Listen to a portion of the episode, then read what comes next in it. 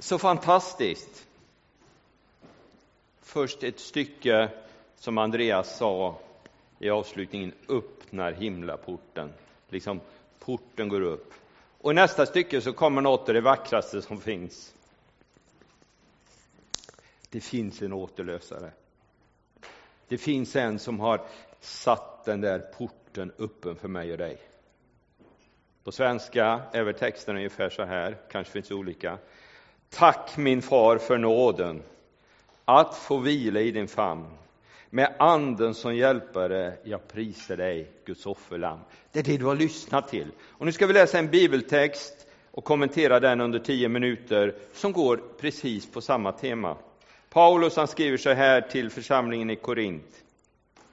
När jag kom till er bröder var det inte med förkrossande vältalighet och vishet jag förkunnade Guds hemlighet för er. Det enda jag ville veta av när jag var hos er var Jesus Kristus, den korsfäste Kristus. Jag var svag, jag var rädd, jag var full av ängslan när jag uppträdde inför er. Mitt tal och min förkunnelse övertygar inte med vishet, utan bevisades med ande och kraft. Er tro ska inte vila på mänsklig vishet, utan på Guds kraft. Amen. I allt vad vi gör, i allt vad vi är och allt vad som finns, så finns det ju någon form av en innersta kärna. Eh, det är ju så här att vi har fått en ny regering och alla kan tycka vad de vill om det. Men processen från valdagen fram till regeringsförklaringen så talas det ju om Stefan Löfven och hans kärna som försökte mejsla ut det här. Vad är det för politik vi ska ha? Det var Stefan Löfven, det var Mikael Damberg, det var Karin Jämtin och det var Magdalena Andersson. Det var kärnan. De andra var runt om och fick stöta till. Vad är kärnan i den kristna tron? Vad är det innersta om du nu skulle plocka bort det som kanske inte är absolut nödvändigt, det som kanske inte är livsavgörande? Vad är kärnan? Jo, det är det Paulus skriver. Det enda jag ville veta av när jag var hos er, det var Jesus Kristus, den korsfäste Kristus. Vi kan klara oss utan det mesta, men inte utan det. Vi kan inte nå himlaporten utan en återlösare. Vi kan inte nå ända fram utan en frälsare. Och jag tror att det är både nyttigt, utvecklande och nödvändigt för mig och dig ibland att stanna till och fundera på vad är kärnan i livet? Vad är det viktigaste vi har att ta tag i? Paulus, i det här sammanhanget, använder vi som förebild.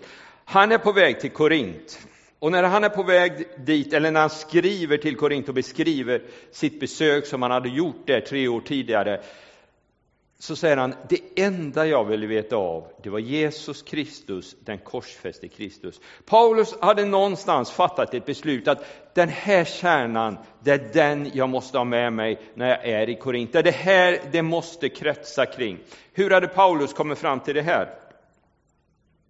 Vad fick Paulus att ta beslutet? Ja, jag tror det var några saker. För det första, Paulus visste vad han skulle möta när han kom dit. Han skulle komma till en ny stad. Det var en gigantisk stad för den här tiden, ungefär en halv miljon invånare eller mer.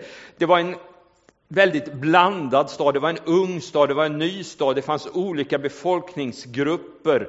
Det var inget homogent på något sätt. Det var en stad som var känd för sin omoral på det sexuella området. Det var en stad där det faktiskt fanns de största bordellerna i världen, där det fanns, mest, där fanns tusentals tempelprostituerade. Det var det Paulus skulle möta när han kom dit. Hur, hur, skulle han handskas med den här situationen? Hur skulle han ta tag i det hela? Var det med sin vältalighet, var det med sin enorma kunskap som Paulus hade? För han skriver ju på ett annat ställe i Filipperbrevet så här. Ja, om någon tror att han kan förlita sig på något yttre, så kan jag det ännu mer. Jag som blev omskuren på åttonde dagen av Israels folk, Benjamins stam, en hebré född av hebreer, i laglydnad en farisé, i trosiver en kyrkans förföljare, i rättfärdighet efter lagen, en oförvitlig man. Var det det han skulle förlita sig på? Nej, det var inte det. Utan det var Jesus Kristus och den korsfäste Kristus. Paulus gjorde bedömningen och tänkte så här, situationen är så här, därför är det här det enda som håller. Och jag tror att vi behöver göra de bedömningarna i vårt liv ibland där vi står. Hur är situationen i mitt liv? Vad är det för förutsättningar jag har? Vart är jag på väg? Vad är det jag ska satsa på? Och jag är ganska säker på, när vi skalar bort det mesta, så kommer vi landa på en korsfäst Kristus. Det är det enda som håller att lita på i den här situationen. Men jag tror också Paulus fattar sitt beslut utifrån det mål han ville uppnå. För målet, det beskriver han i texten så här. Er tro skulle inte vila på mänsklig vishet utan på Guds kraft. Nu finns det inget motsatsförhållande mellan kompetens och en levande Kristus på något sätt. Det är inte det jag menar, att antingen är du intelligent eller också tror du på Kristus. Det var inte så jag tänkte. Men någonstans, vad är kärnan, vad är det viktigaste i det? Jo, det är en uppstånden Kristus. Paulus mål är att den tro som kommer skapas av det besöket, som han gör under 18 månader, inte ska vila på hans intellektuella funderingar, utan den ska vila på Guds kraft. Det var det som kunde förvandla de här människorna från ett hopplöst levande till ett liv i Jesus Kristus. Det var det som kunde bryta detta mönster som hade etsat sig fast i stan, där omoralen, där allting hade tagit överhand. Vad var det som kunde bryta det? En intellektuell diskussion? Nej. Men en levande Kristus, uppstånden frälsare. Ibland så tror jag att vi behöver fatta de där besluten som Paulus gjorde. Vad är det som är kärnan i mitt liv? Vad är det som är nödvändigt när du liksom har skalat bort det andra? Det andra som händer i texten egentligen det är att när Paulus väl har fattat sitt beslut så gör han en prioritering. Det här är det värsta ordet jag vet, ordet prioritering. Eh, jag tycker det är så utslitet, jag tycker det är så hopplöst, men jag måste ju använda det någon gång.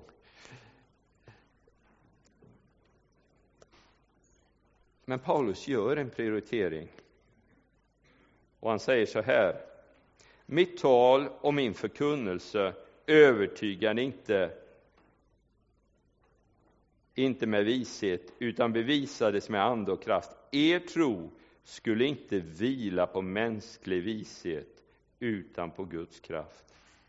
Paulus gör en prioritering.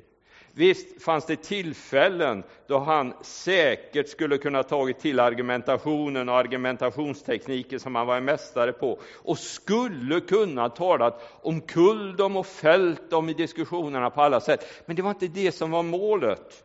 Målet var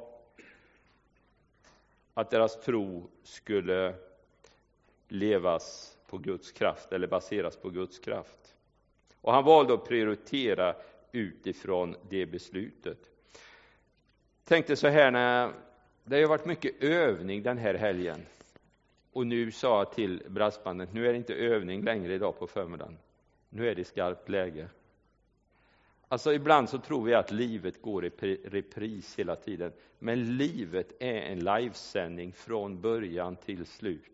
Det blir ingen repris. Visserligen skapar vi oss vanor och rutiner, men det är inte samma sak. Livet är här och nu och där behöver jag och du prioritera utifrån de beslut vi har fattat. Vad är kärnan i livet? Och därför behöver jag gång på gång fundera till kring följande saker. Hur prioriterar jag min tid? Hur bygger jag mina relationer? Hur använder jag de pengar, de medel jag faktiskt förfogar över? Hur inhämtar jag ny kunskap så jag inte fastnar i ett mönster och tror att det här är en prissändning hela tiden? Det är ju live, det är ju nytt. Chansen kommer ju aldrig tillbaks. Hur bygger jag upp min kunskap? Hur ber jag? Och så vidare. Ibland tycker jag så här att det är lätt att det blir kramp när Jesus ska vara i centrum och vi ska prioritera efter det. Men jag inbillar mig att detta måste vara vila och trygghet och spänningen i livet. Jag inbillar mig när jag har en återlösare, en frälsare, en redeemer som texten handlar om, då blir det så här. Tack min far för nåden att få vila i din famn. Det är inte min prestation, även om jag ska prestera. Det är Guds nåd som är större, som bär mig.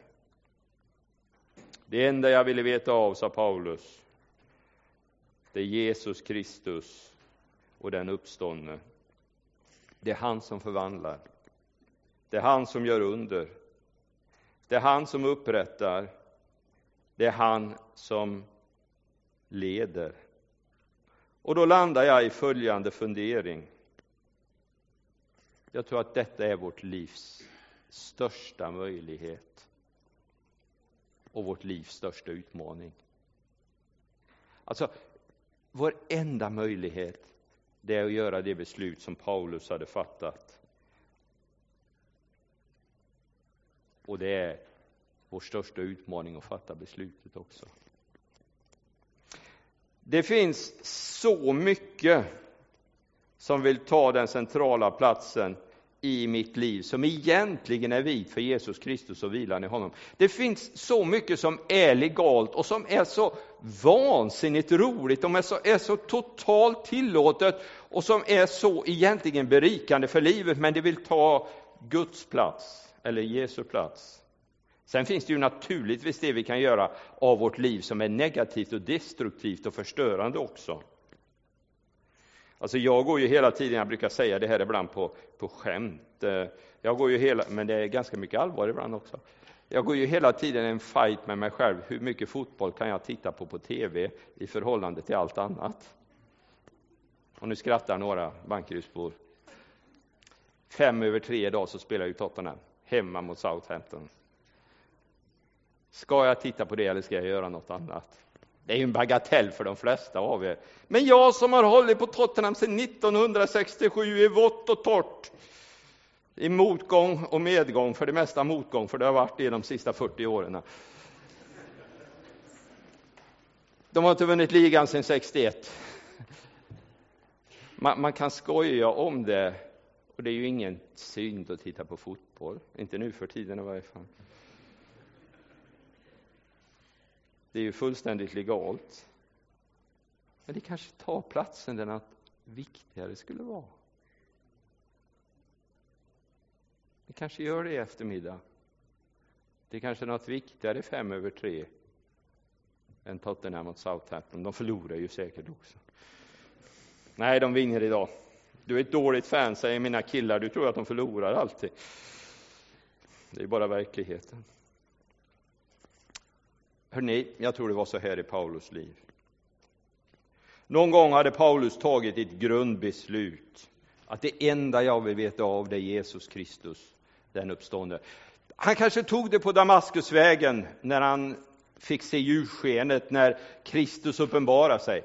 Han kanske tog det lite senare när Ananias kom och la händerna på honom och han fick sin syn igen. Han kanske tog det i grundbeslutet när han var i Arabien några år och liksom koppla av allt runt omkring. Men någonstans fattade han det grundbeslutet och det gällde för hela livet.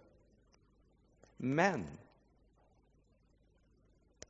det innebar inte att han ständigt behövde fatta ett nytt beslut i samma riktning. När jag kom till er, sa han, alltså inför det sammanhanget, när jag kom till er, då hade jag beslutat mig att inte veta av någonting annat än Jesus Kristus och honom som korsfäst. Jag tror att du och jag ständigt behöver vara beredda att fatta det beslutet. Även om du har fattat grundbeslutet från början, Gud välsigne dig, det är underbart. Det gjorde du egentligen den dag du sa ja till Jesus. Men ständigt behöver vi förnya det där beslutet. Vad är kärnan i mitt liv? Vad är det viktiga i mitt liv? Vad satsar jag på?